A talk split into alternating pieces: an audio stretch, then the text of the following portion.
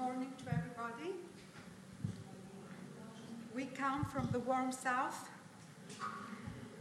Um, and we really had a very hot summer this year. I believe that uh, what, uh, what was not given to you was altogether given to us this year. Uh, many tourists in Greece, especially in the islands, um, but sometimes you prefer this kind of weather than having heat all the time. Uh, but I believe that God has done everything in wisdom, and He knows because I'm jealous of your green. I'm very, very jealous of your green.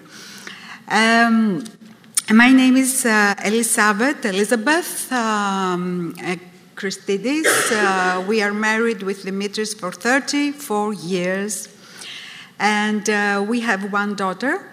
Uh, I was a Greek Orthodox. Um, I was born in um, Australia, in Melbourne, and when I was eight years old, I came in Hellas. And um, uh, when I was 16, my father died suddenly from a heart attack. And uh, that was when everything uh, started for me because uh, questions raised in my mind what happens after death? Is there really a God? Is there heaven? Is there hell? And uh, I was asking, but getting no answers. Uh, I had a fear of God in my, uh, in my life, but I had no knowledge of God. And uh, after a while, I believe that when we search in a, in a sincere way, God reveals Himself to us. And uh, so he brought me in touch with a group uh, of people who had a Bible uh, study. They were young people, students, and um, uh, in school and in the university. And uh, also, the first time I went uh, there, there was a group uh, from different countries. It was from YWAM, and I was very much surprised when I saw young people talking about Jesus, uh, saying that they have uh, a, a, relationship with Him and with God, and uh, singing modern songs. I was very much amazed. And from that time on, I said to myself, this is what I was searching for. And I stayed there forever. um, uh, we serve in, uh, we have a calling to serve in a Greek uh, Orthodox uh, fellowship. Uh, and uh, we try to give the gospel and to to give discipleship to people who uh, have uh, a very um, unclear, let's say, uh, uh, opinion about God.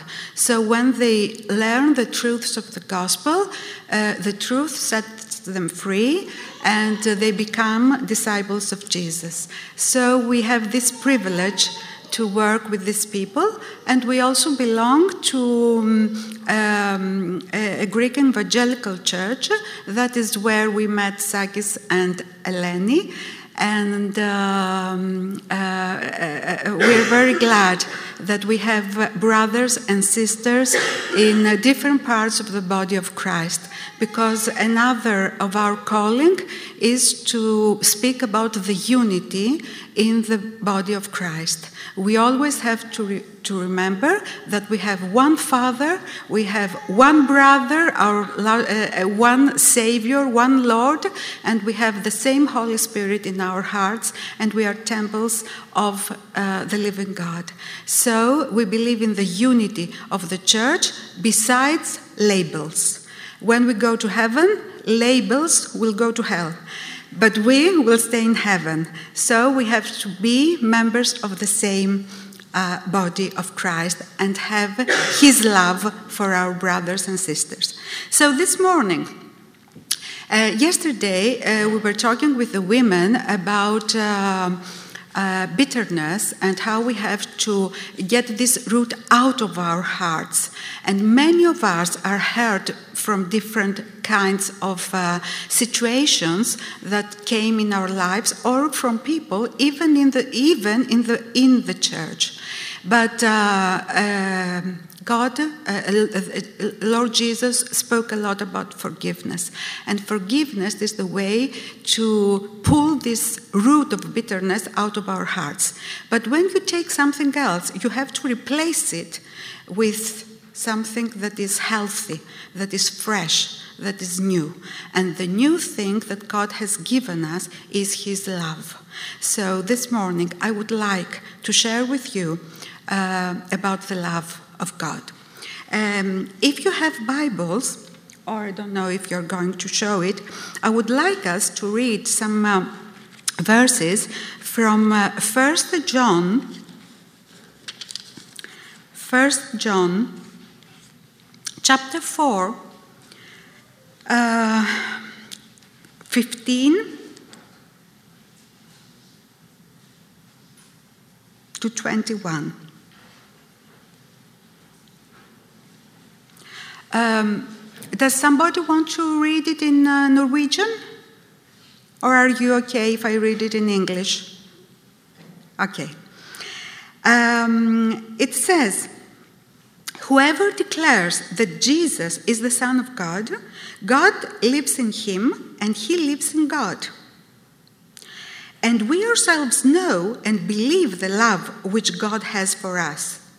God is love, and whoever lives in God lives, and whoever um, lives in love lives in God, and God lives in him. The purpose of love being made perfect in us is that we may have courage on, judge, on judgment day. And we will have it because our lives, uh, our life in the world is the same as Christ. There is no fear in love. Perfect love drives out all fear.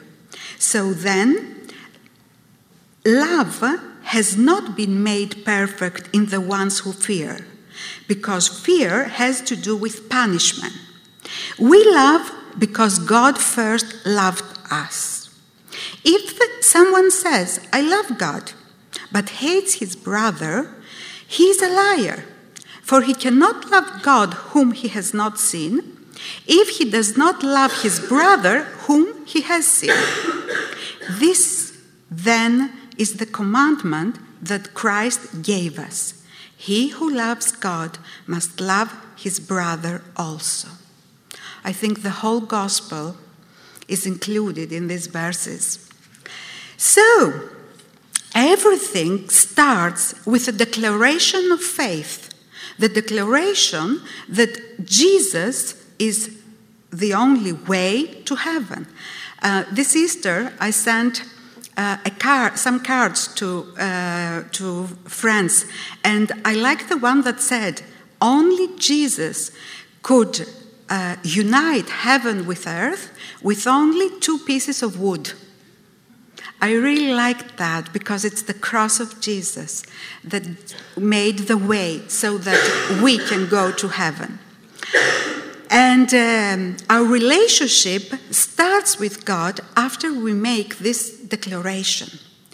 But you see, brothers and sisters, there are so many different kinds of Christians uh, around us. And this depends on the relationship we have with God the Father. We become members of His family, but sometimes we don't act like sons and daughters, but we act as slaves or servants.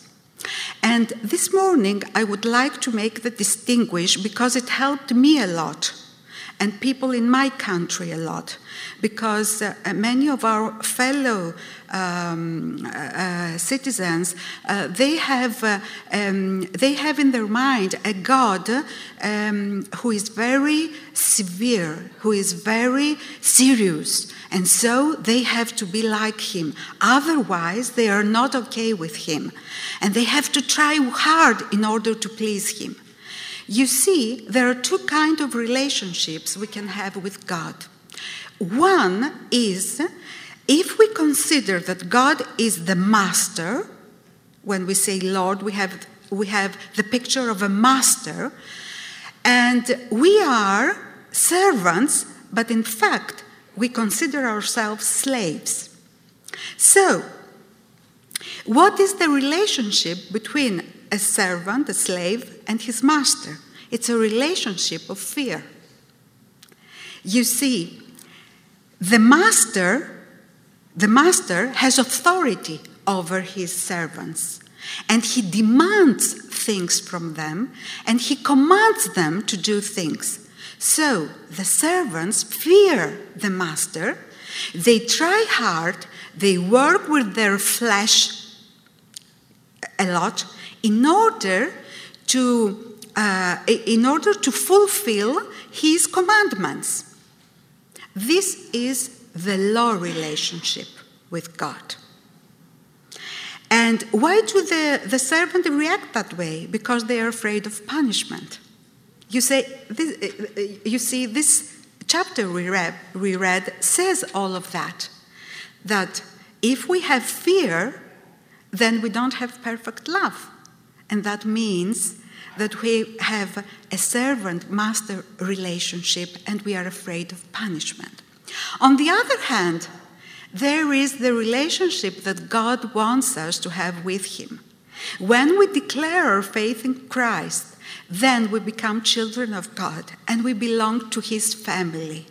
And as I have seen, you Christians, at least in Norway, have nice families with many children. I really like that. And so pretty, pretty children. Uh, so, in the family, the relationship is different because the father loves his children. And even when he disciplines that, them, it's out of love that he disciplines them because he wants them to be perfect. The children, on the other hand, have, have uh, confidence to the father. They go in, in his arms, they embrace each other, they play. They feel connected, they feel close, they know each other. And also, they feel um, uh, uh, they have uh, confidence and they have courage in order to stand before Him. And at the end, children are the heirs, the heirs of the Father's blessings and goods. So you see the difference of the two relationships. What kind of relationship do we have with God? Is it a relationship based on fear and of works of the flesh?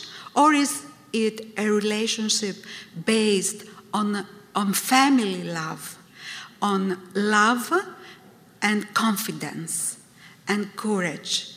And we are not uh, afraid to be punished, but we know that we are, uh, we are heirs of our uh, fathers and our family's property. And um, afterwards, and in this way, our love, it says, is perfect. So now we will speak about the other. Um, uh, uh, uh what, what comes out of that. And it says that uh, God is the, first loved us, and if, if we love God, we have to love our fellow brothers. Well, you know that love is a very misunderstood, uh, misunderstanding and misunderstood um, um, meaning. Everybody speaks about love. Everybody, and in the world, in uh, different kind of clubs, they speak about love. But the kind of love that God demands for, from us is very, very different because it has um, a measure, and that measure is Christ Himself and God Himself. So, um, when we uh, speak about the, uh, the love relationships with our sisters and brothers in God's family, there are three levels, three levels of love. The first level is the neighbor love. And this is the old commandment. Even in Leviticus, it said, You should love your neighbor as yourself. And then Jesus repeated that commandment, and he said the second most important, commandment is like this You must love your fellow man as yourself. So, this is the first commandment. Uh, sorry, this is the old commandment about love. And it means that I love, uh, it has, um, um, it has a measure. And this measure is ourselves. It means that I love, I love the others around me as I love myself. So, uh, I have to love myself first. I have to take care of myself first. And in the same way, I must wish the same for my neighbor. And um, that means that uh, I must care for them and I must meet their, their needs. Um, I have to do to them what I would like them to do to me. So, there's an example. If somebody near me is hungry and I have a plate of food or a sandwich, let's say, in order to love him as I love myself, I take half of my plate of food and I give it to him. Or I take half of my sandwich and I give it to him. So I love myself, but I love him as well. Okay? That's the first commandment. In this uh, first, in this uh, old commandment, we also have to see something. It says, "Love your neighbor." It doesn't say, "Love your neighbors." What does that mean? That sometimes we feel guilty because there are so many people in need around us and we are not enough for their needs. But when God brings someone in our way who maybe is our neighbor or, a, or someone at, jo- at our job or a friend or in church, then he is our neighbor. The other ones, God will provide someone else for them.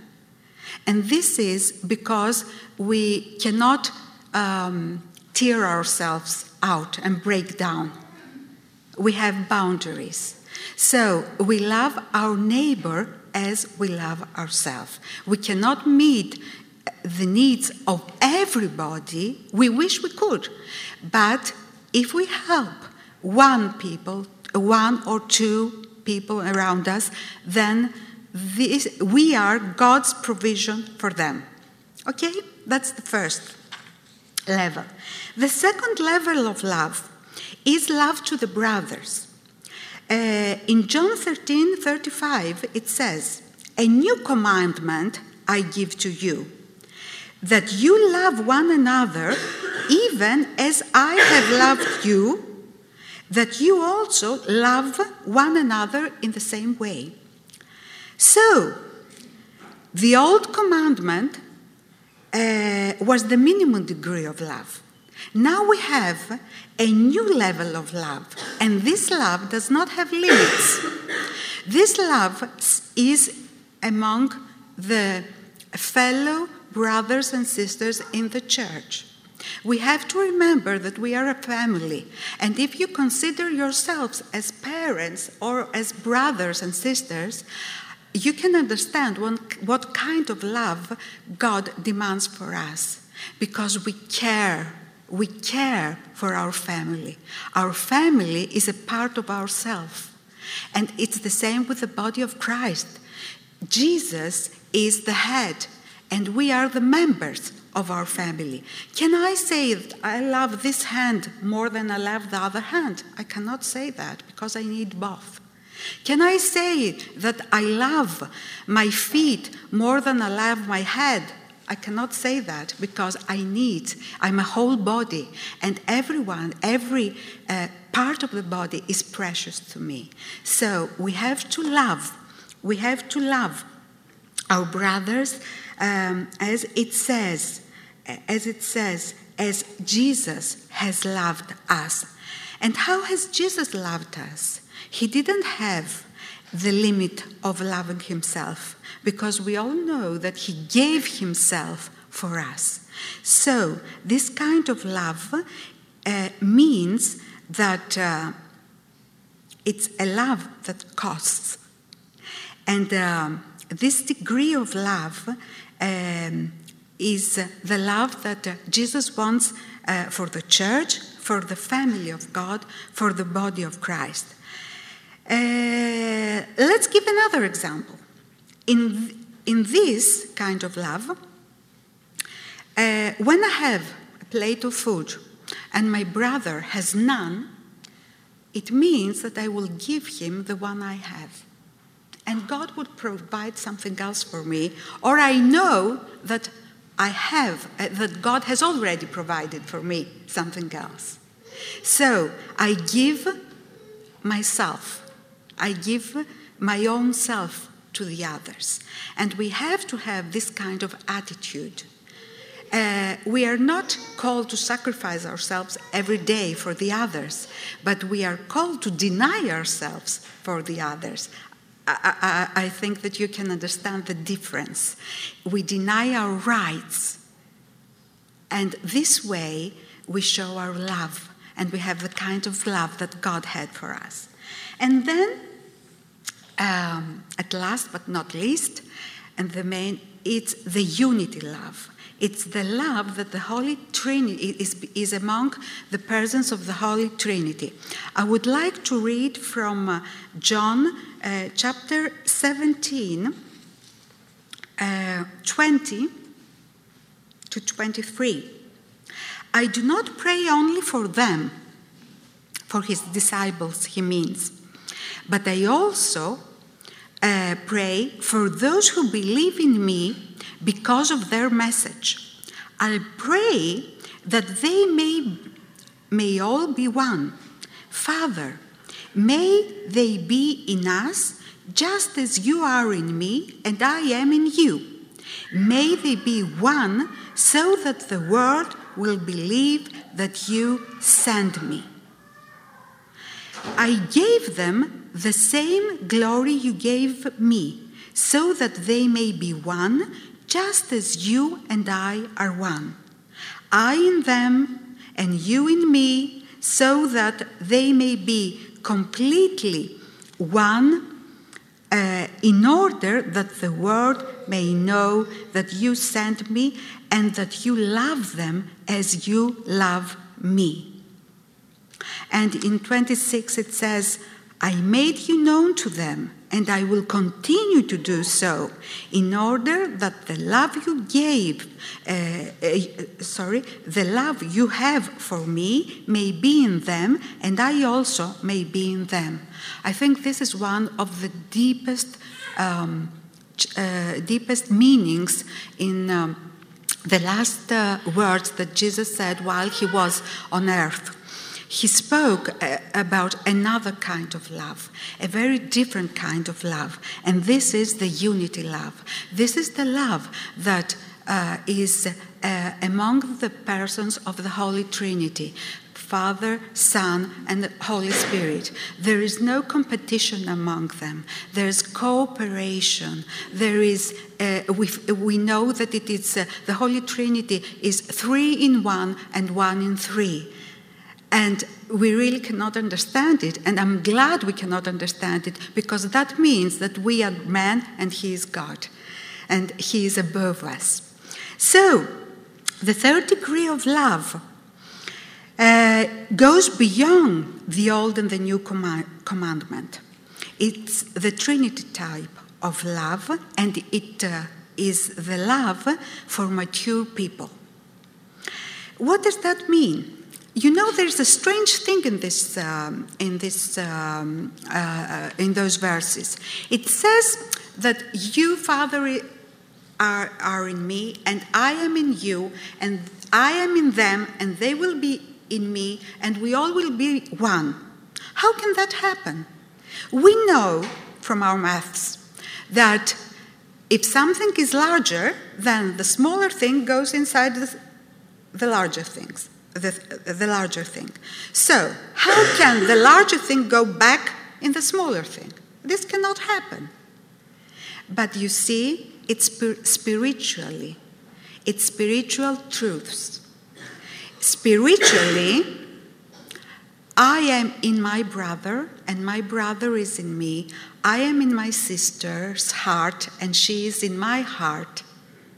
And heart, our heart, does not, does not have um, boundaries.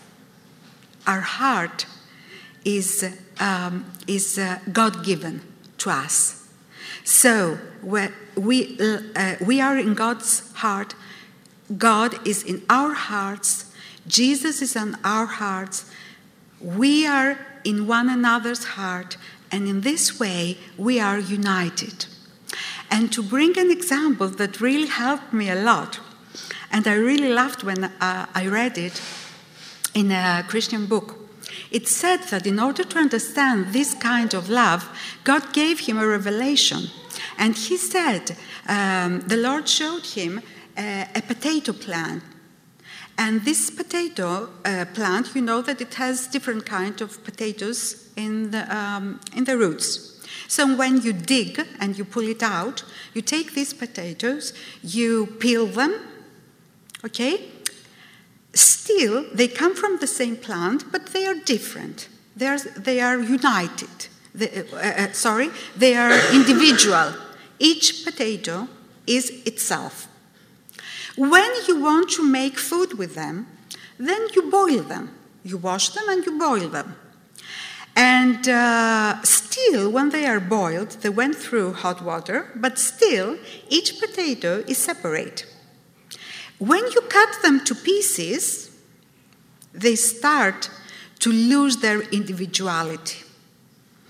And they uh, start becoming alike. But still, they may say, well, you and me and me, we belong to that potato.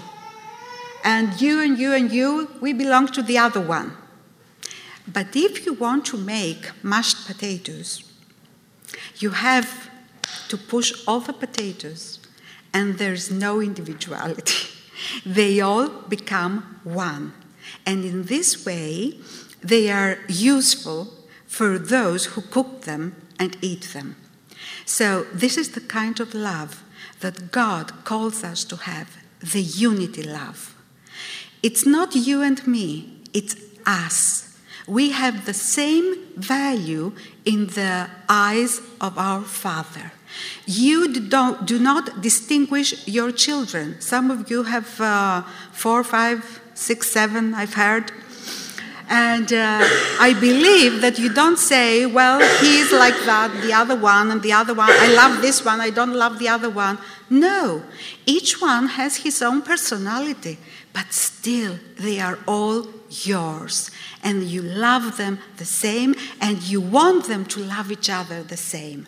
So, this is the kind of love that God calls us to, uh, to have between us.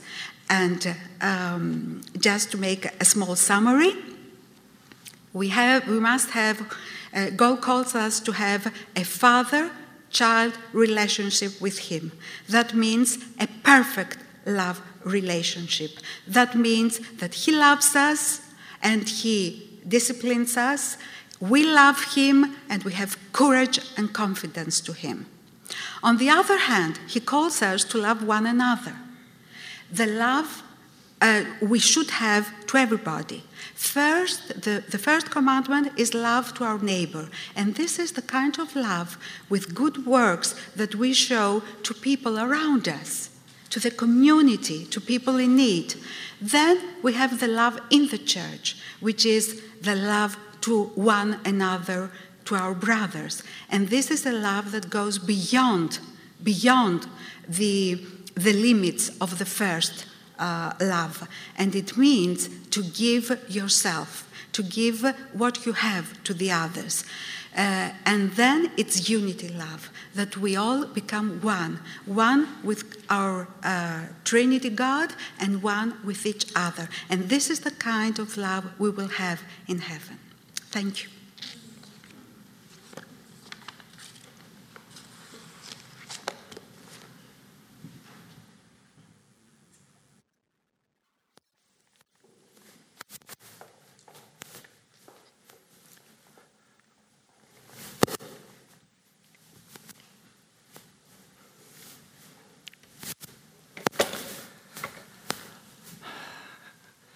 I should like to thank you once more for uh, the privilege and uh, uh,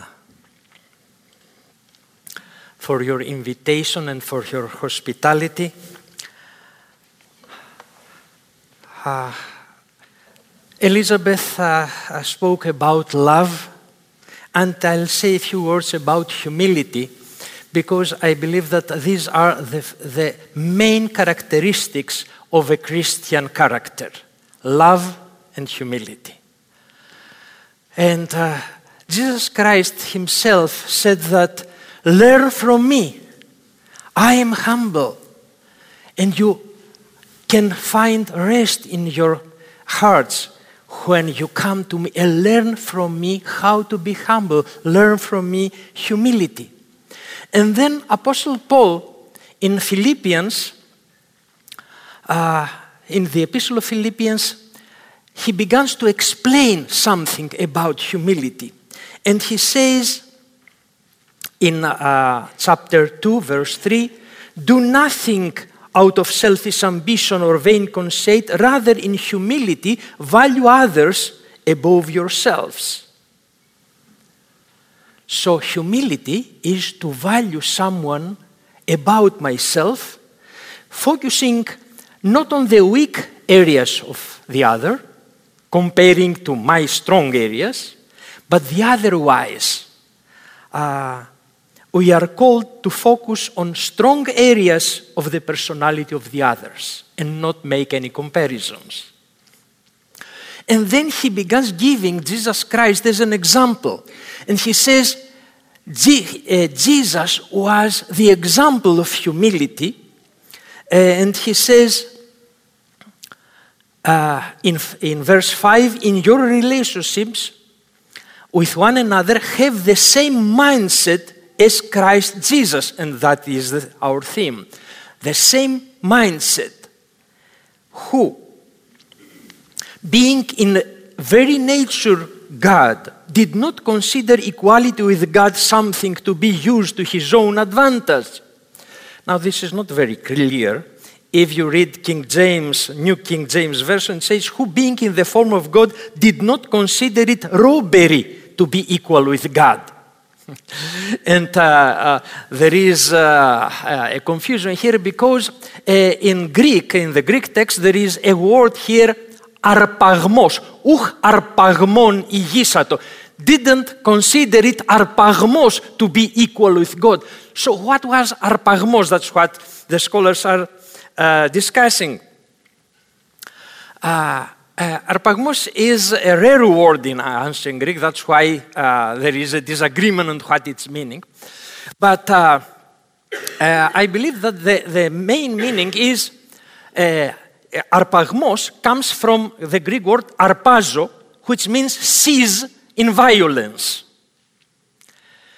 So, uh, when there was a war and an army won a battle, then he had the right to plunder the enemy camp. So the soldiers went in the enemy camp, and every soldier could uh, take some booty and make a pile. This is my own pile. And because of the arpazo seized violent, violently, uh, this pile was called arpagmos.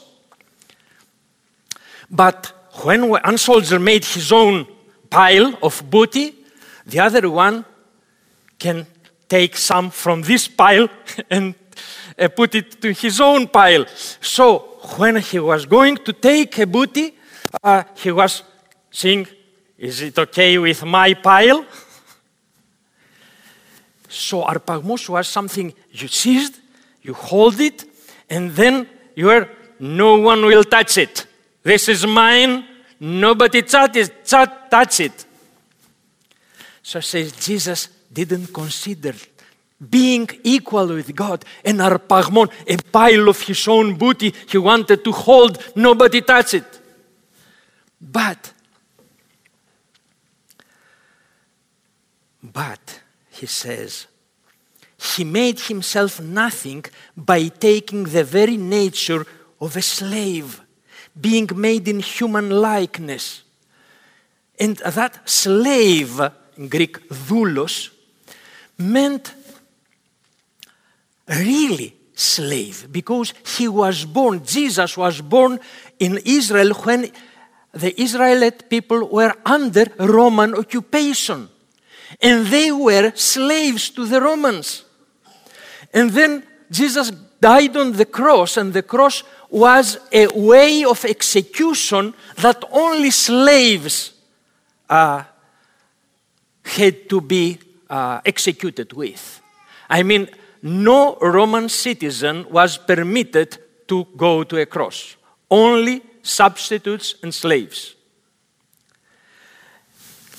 And it continues, and being found obedient, he humbled himself, becoming obedient to death, even death on a cross. And in verse 9 says, Therefore God exalted him. Well, uh, therefore is very weak. The Greek text says, Dio και ο Θεός, which means that is the reason why. It's not just therefore. It's that is the reason why God exalted. Uh, what is the reason? The reason is he was obedient and was humbled so much that God decided to exalt him and give him a name above all name. Therefore, God exalted him to the highest place and gave him the name that is above every name. So, this verse says that something, heaven in, something happened in the heavenly places after the death and the, the resurrection of Jesus Christ. Something happened. What happened? Jesus Christ's name was exalted every above all other names. That at the name of Jesus every knee should bow in heaven and on earth and under the earth.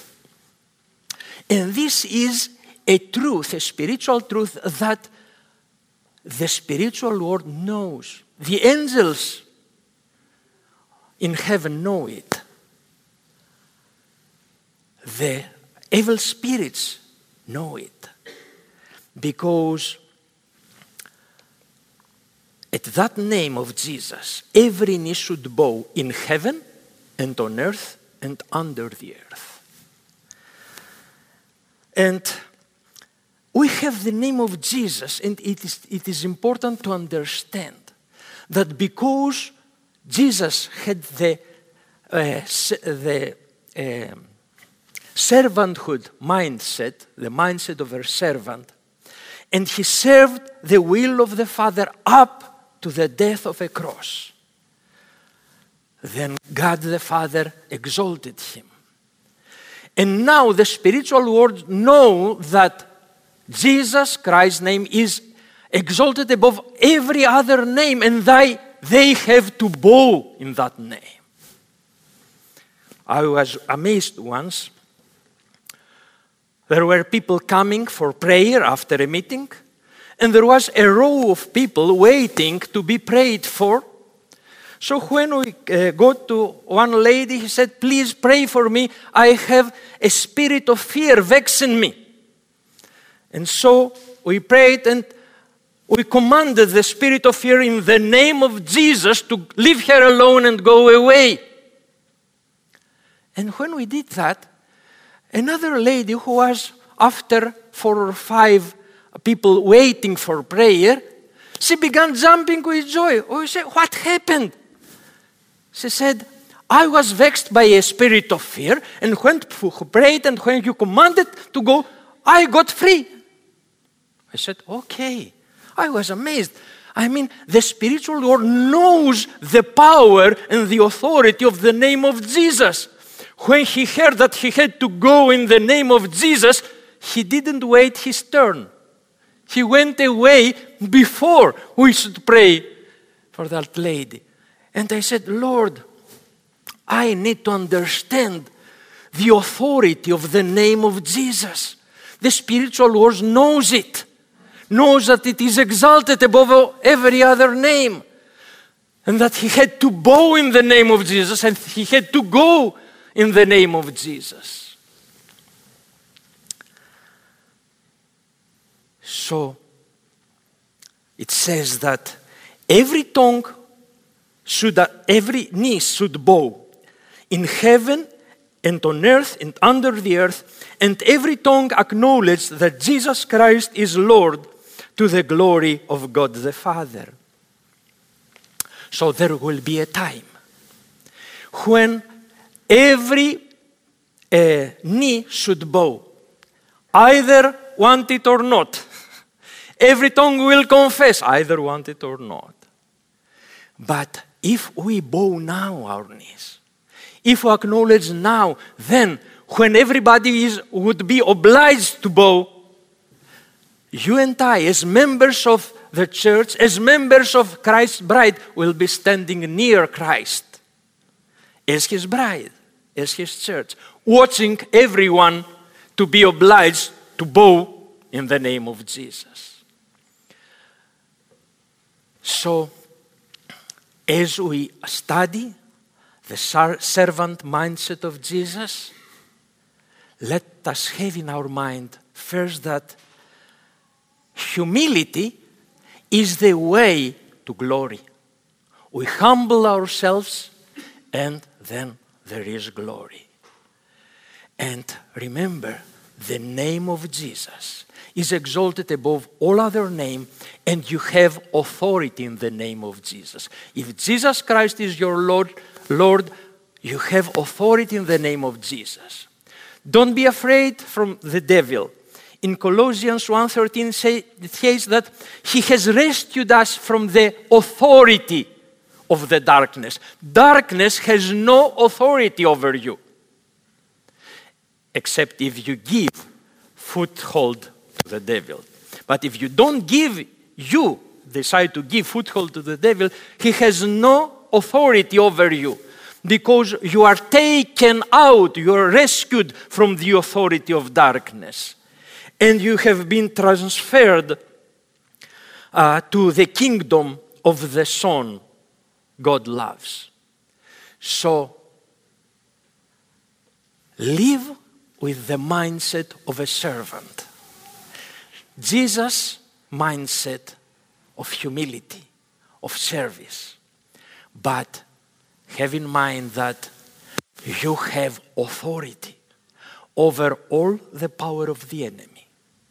Because, because you believe in Jesus and the name of Jesus is exalted above every other name on earth and on the spiritual realm. God bless you abundantly.